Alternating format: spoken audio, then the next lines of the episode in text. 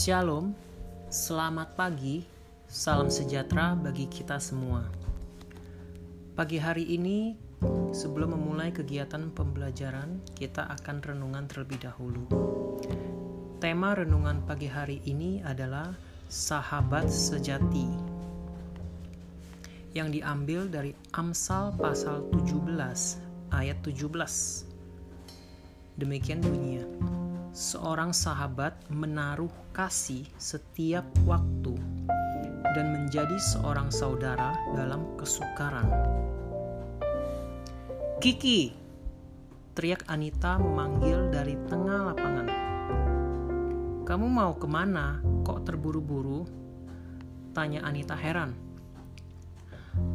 Aku mau ke rumah sakit jenguk Andi, Tadi aku mendengar kabar Andi masuk rumah sakit, jawab Kiki. Tapi Ki, Andi kan sering nakal dan berbuat jahil kepada kita, kata Anita ketus. Meskipun demikian, dia tetaplah sahabat kita, An, jawab Kiki kepada Anita. Anak-anak, sikap Kiki yang tetap mendukung Andi sungguh terpuji. Mari kita belajar hikmat bersahabat dari kitab Amsal. Amsal dikenal sebagai kitab hikmat karena banyak berisi nasihat bijaksana. Menurut kitab Amsal, seorang sahabat sejati tetap memberi dukungan saat teman sedang kesulitan.